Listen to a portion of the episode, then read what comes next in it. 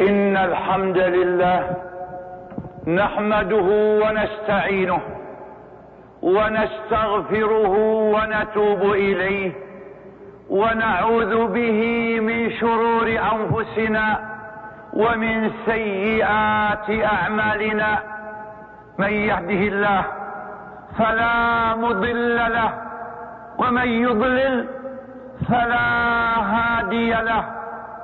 وأشهد أن لا إله إلا الله وحده لا شريك له وأشهد أن محمدا عبده ورسوله صلى الله عليه وعلى آله وصحبه وسلم تسليما كثيرا إلى يوم الدين.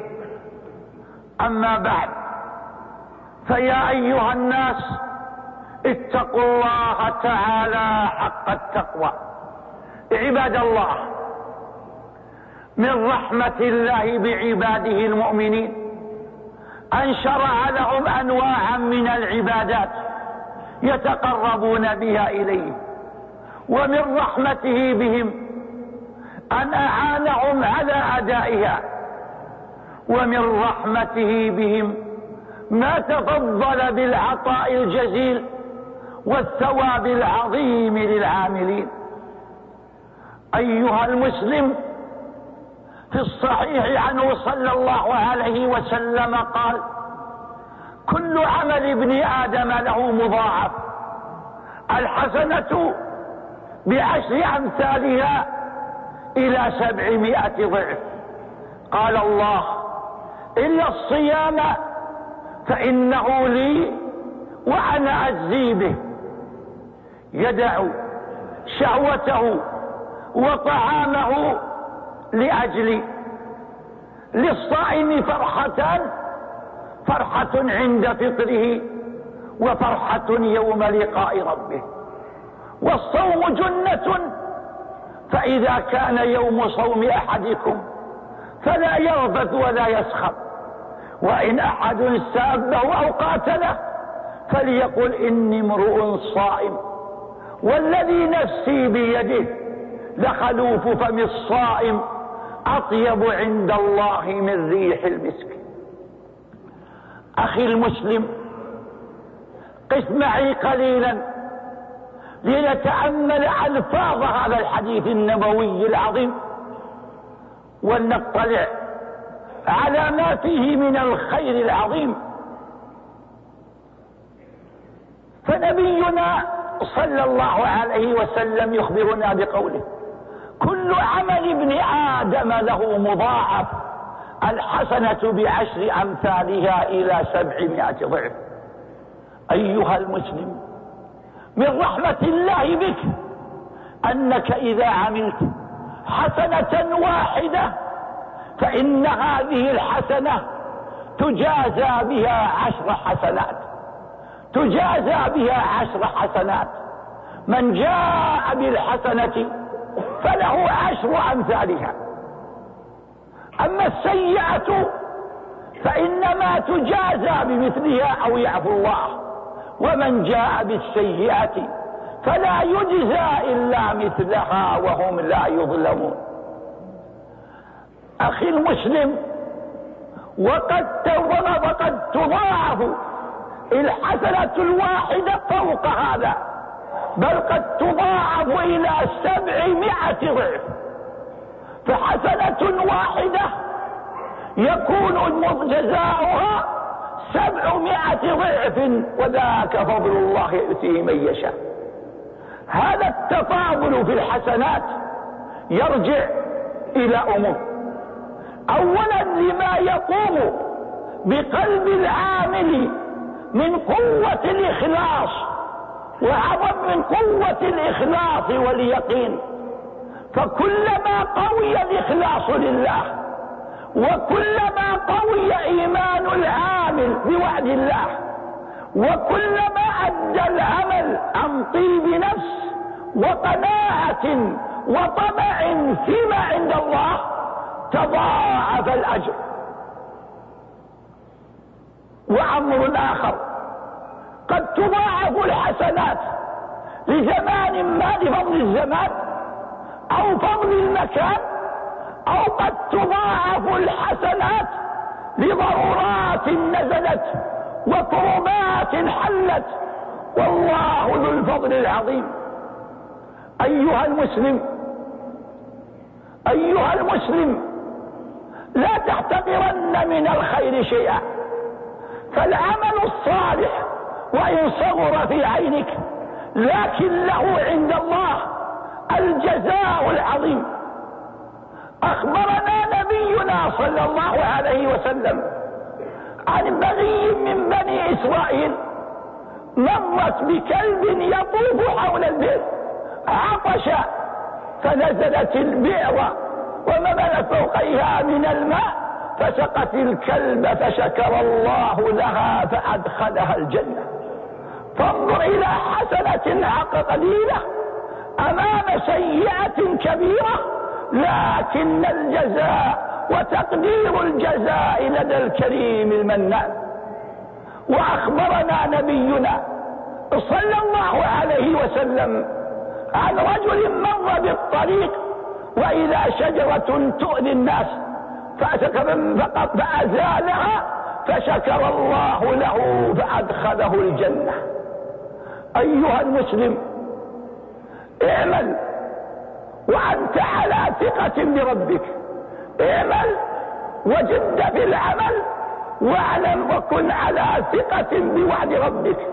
وأن أعمالك الصالحة لن تمتد إليها ايد العابدين.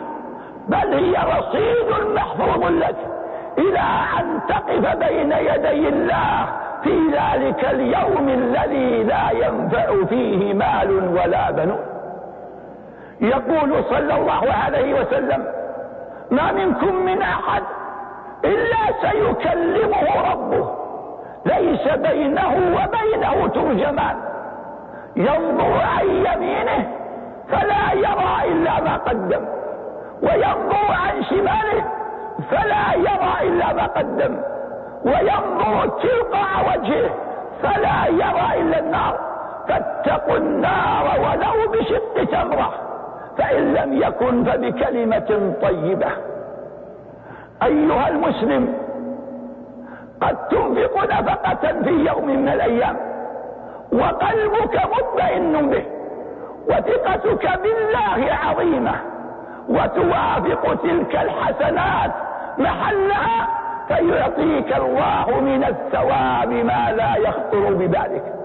فلا اقتحم العقبة وما أدراك ما العقبة فك رقبة أو إطعام في يوم ذي مسغبة يتيما ذا مقربة أو مسكينا ذا متربة. أيها المسلم كم تمسح دمعة يتيم؟ وكم تفرج كرب مكروب وكم تيسر على معسر؟ وكم تنفس على على مضطر؟ وكم تعمل أعمالا بينك وبين الله فتجد جزاءها عند ربك؟ قال الله عن عباده المؤمنين أنهم قال قال ويطعمون الطعام على حبه. يتيما ومسكينا وعسيرا. إنما نطعمكم لوجه الله. لا نريد منكم جزاء ولا شكورا. إنا نخاف من ربنا يوما عبوسا قمطريرا. فوقاهم الله شر ذلك اليوم ولقاهم نظرة وسرورا. أخي المسلم فالعمل الصالح مدخرا لك.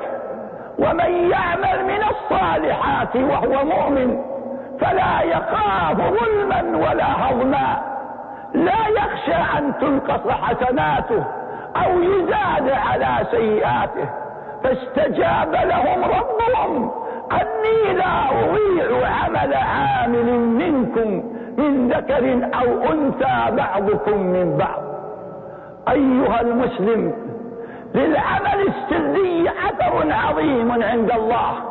إن تبدوا الصدقات فنعم ما وإن تخفوها وتؤتوها الفقراء فهو خير لكم ويكفر عنكم من سيئاتكم. وقد يظهر الله حذر ذلك العمل ثوابا عاجلا للمسلم في الدنيا مع ما ادخره له في الآخرة. عند قوة الإخلاص واليقين. قال المؤرخون للحسن بن علي ابن أبي طالب ابن بنت رسول الله صلى الله عليه وسلم. سكن المدينة بعدما تنازل عن الخلافة لمعاوية فكان بها موضع الاحترام والإجلال. دين ونسب شريف. وخلق جم وسيرة فاضلة. قالوا كان في الليل إذا جن الليل. يخرج مع بعض أهله فيمرون ببيوت أهل المدينة طعاما وكسوة وغير ذلك. وعاش الناس سنوات على هذا المنوال. لا يدرون من يعطي ولا من ينفق. حتى إذا مات الحسن انقطع ما كانوا ما كانوا يعهدون فعلموا أن ذلك من ذلك الرجل الصالح. أيها المسلم وكلما وقع الإحسان موقعه فإن الله يعلم خائنة الأعين وما تخفي الصدور وقد يرفع الله للعبد بعمل صالح وإن قل درجات والله حكيم عليم. ذكر المترجمون لعبد الله بن المبارك ذلك العالم الفاضل المجاهد الزاهد المحسن الباذل للمعروف المعروف لدى المسلمين بالعدالة والسيرة النبيلة والخلق الفاضل. قالوا خرج من مدينة مر حاجة فقدم البصرة فقيل له إن هناك أسرا فقيرة. وعوائل مدقعة قد نزلت بهم حاجات ولمت بهم ضرورات. فسأل خازنه ماذا معك من المال؟ قال معي ما يكفي للذهاب إلى مكة ثم الرجوع إلى مرو هذا الذي معي. قال ادفعه لهؤلاء العوائد الفقيرة وعودوا بنا فلعل الله أن يعوضنا خيرا. قالوا فرجع الحاج بعد ذلك. فجاءه رجل مجلسه وقال يا عبد الله بن المبارك لقد رأيتك تطوف بالبيت فهممت أن أسلم عليك فما استطعت ولقد رأيتك بعرفة فهممت أن أسلم عليك فما استطعت ولقد رأيتك بالمجمع ولقد ولقد قال ما جاوزت مكاني؟ ولقد مر بي عيد الأضحى وأنا هنا وتجاهل الأمر. فلما خلي المجلس قال لبعض خواصه اغتنموا فرص الحاجات واغتنموا الفرص والحاجات وذوي المحتاجين يرفع الله بها منزلتكم. أيها المسلم هكذا يعامل المسلم ربه بالصدق والإخلاص والله جل وعلا أكرم الأكرمين وأرحم الراحمين. قال بعض العلماء مترجما لابن أبي حاتم المحدث الكبير أنه يوما من الأيام وقد وقد خافوا من كيد الأعداء وانهدم سور البلد فقال من يتبرع لبناء هذا السور؟ فما وجد من الناس تجاهبا كثيرا. فقال له شخص ما إن عندي مالا سيكفي لهذا السوء أتضمن لي يا ابن أبي حاتم الجنة؟ إن أن أنفقت في هذا السبيل قال أرجو من الله لك ذلك. قال هل تعطيني كتابا؟ قال أعطيك رجاء بما عند الله. فبنى السور وانتهى الأمر فحضر ذلك الإنسان الموت.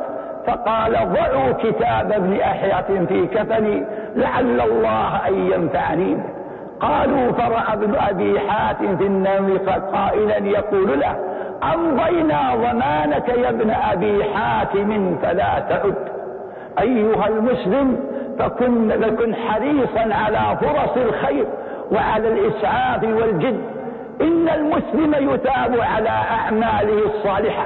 إذا نوى بها التقرب إلى الله الإصلاح بين الناس يقول فيه صلى الله عليه وسلم ألا أدلكم على ما هو خير لكم من الصدقة والصلاة؟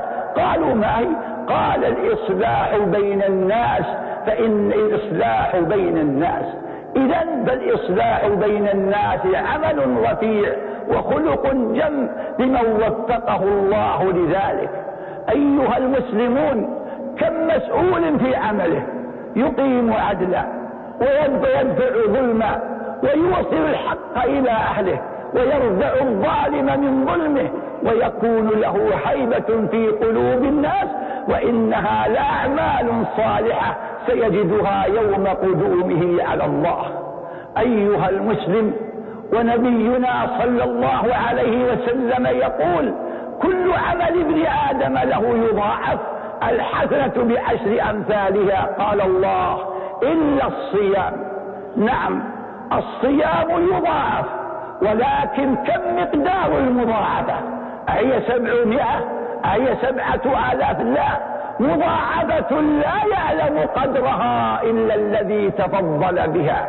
فإن الصوم من الصبر. والله يقول إنما يوفى الصابرون أجرهم بغير حساب. أيها المسلم إلا الصوم فإنه لله وكل أعمالنا الصالحة لله. لكن في الصوم تظهر الأمانة الحقة ويظهر الصدق ويقوى الإخلاص فمسلم يخلو في بيته بامرأته وطعامه ومائه لكن المانع من تعاطيها خوف الله ومراقبة الله وعلمه الكامل باطلاع الله عليه فهو يتركها لله وفي سبيل الله. إلى الصوم فإنه لي وأنا أجزي به الجزاء من الله.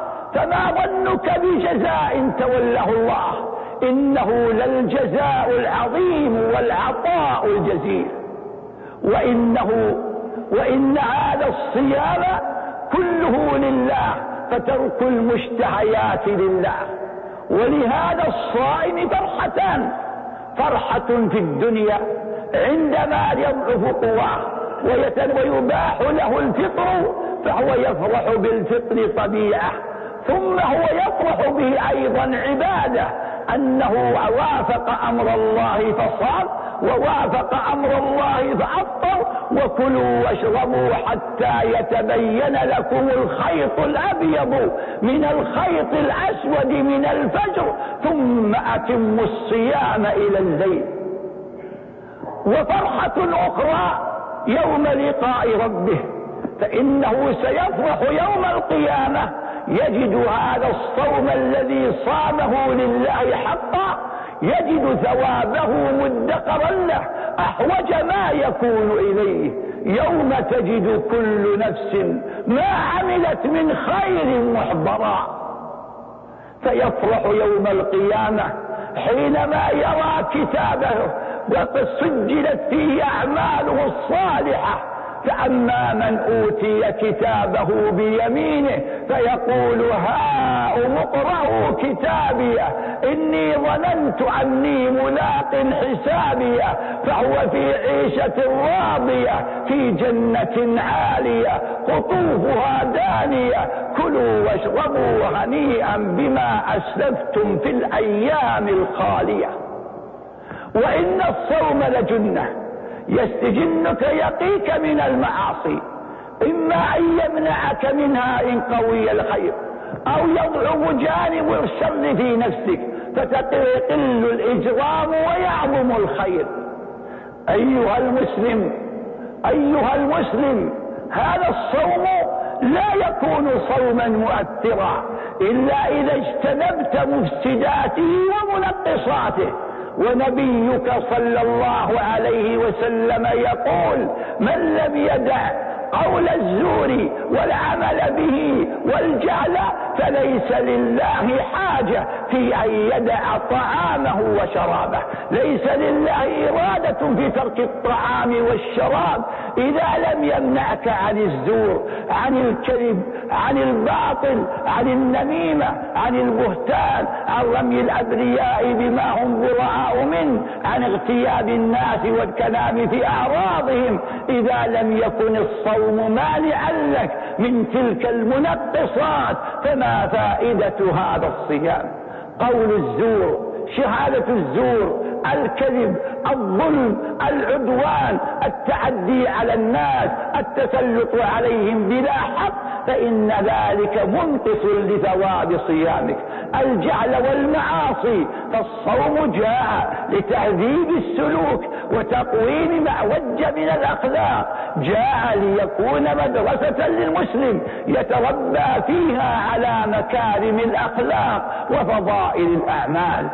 أيها المسلم إن الصوم يربي فيك الحلم عن سفه السافهين وجهل الجاهلين وهذا خلق مطلوب منك دائما. لكن الصوم يربيك على هذا الخلق. ولهذا يقول نبيك صلى الله عليه وسلم فإن أحد سابك أو قاتلك فقل إني امرؤ صائم فما تركت مقابلتك وما تركت مجاراتك في جعلك وسبيك عزا ولكن الصوم يمنعني ولكن الصوم يحجزني ولكن الصوم يحول بيني وبين تلك الرذائل والأخطاء. والله يقول ولا تستوي الحسنة ولا السيئة ادفع بالتي هي أحسن. فإذا الذي بينك وبينه عداوة كأنه ولي حميم وما يلقاها إلا الذين صبروا وما يلقاها إلا ذو حظ عظيم.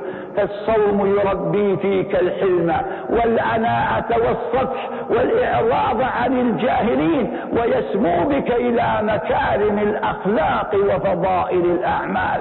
وإن, وإن رائحة فم الصائم المكروهة في الدنيا لفقد الطعام والشراب هي عند الله أطيب من ريح المسك. تفضلا وكرما وجودا فأحسنوا الصيام والزموا آدابه لعلكم تفلحون. أقول قولي هذا وأستغفر الله العظيم الجليل ولي ولكم ولسائر المسلمين من كل ذنب فاستغفروه وتوبوا إليه إنه هو الغفور الرحيم. الحمد لله حمدا كثيرا طيبا مباركا فيه كما يحب ربنا ويرضى. وأشهد أن لا إله إلا الله وحده لا شريك له وأشهد أن محمدا عبده ورسوله صلى الله عليه وعلى آله وصحبه وسلم تسليما كثيرا إلى يوم الدين. أما بعد فيا أيها الناس اتقوا الله تعالى حق التقوى.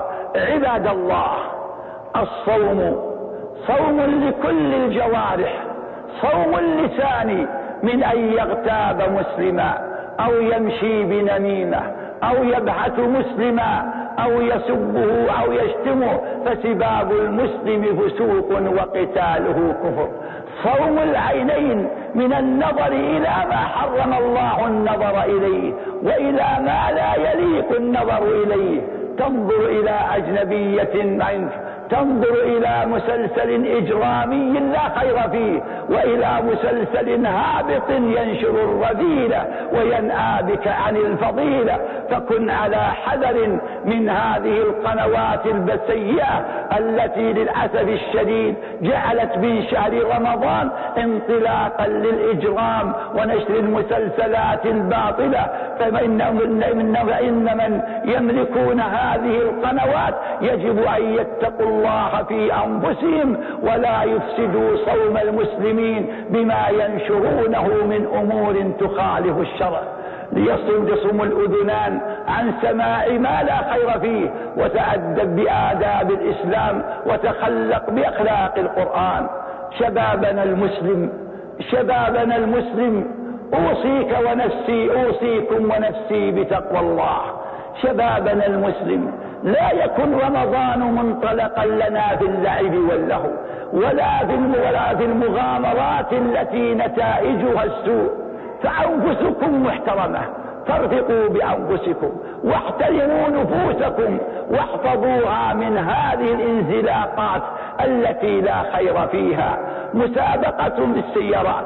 تفريط كما يقولون مجاراة وسرعة جنونية انطلاق بلا حدود ولا قيود. فاتقوا الله في أنفسكم واتقوا الله في صيامكم واحذروا السعر الذي نتائجه لا خير فيها.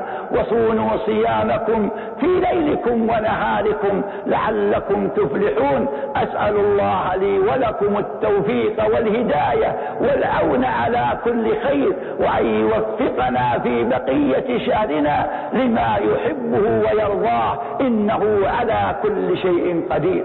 واعلموا رحمكم الله أن أحسن الحديث كتاب الله وخير الهدي هدي محمد صلى الله عليه وسلم وشر الأمور محدثاتها وكل بدعة ضلالة. وعليكم بجماعة المسلمين فإن يد الله على الجماعة ومن شد شد في النار. وصلوا رحمكم الله على نبيكم محمد صلى الله عليه وسلم. امتثالا لأمر ربكم القائل إن الله وملائكته يصلون على النبي. يا أيها الذين آمنوا صلوا عليه وسلموا تسليما. اللهم صل وسلم وبارك على عبدك ورسولك محمد وارض اللهم عن خلفائه الراشدين الأئمة المهديين أبي بكر وعمر وعثمان وعلي وعن سائر أصحاب نبيك أجمعين وعن التابعين وتابعيهم بإحسان إلى يوم الدين. وعنا معهم بعفوك. وكرمك وجودك وإحسانك يا أرحم الراحمين. اللهم أعز الإسلام والمسلمين وأذل الشرك والمشركين ودمر أعداء الدين وانصر عبادك الموحدين واجعل اللهم هذا البلد آمنا مطمئنا رخاء سخاء إلى واجعل هذا البلد آمنا مطمئنا رخاء سخاء وسائر بلاد المسلمين. اللهم اللهم احفظ اللهم وفق إمامنا. إمام المسلمين عبد الله بن عبد العزيز لكل خير.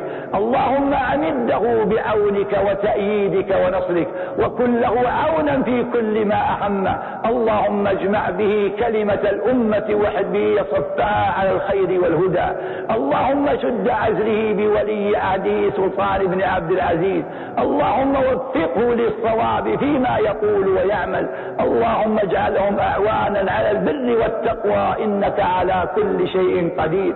ربنا اغفر لنا ولإخوائنا الذين سبقونا بالإيمان ولا تجعل في قلوبنا غلا للذين آمنوا.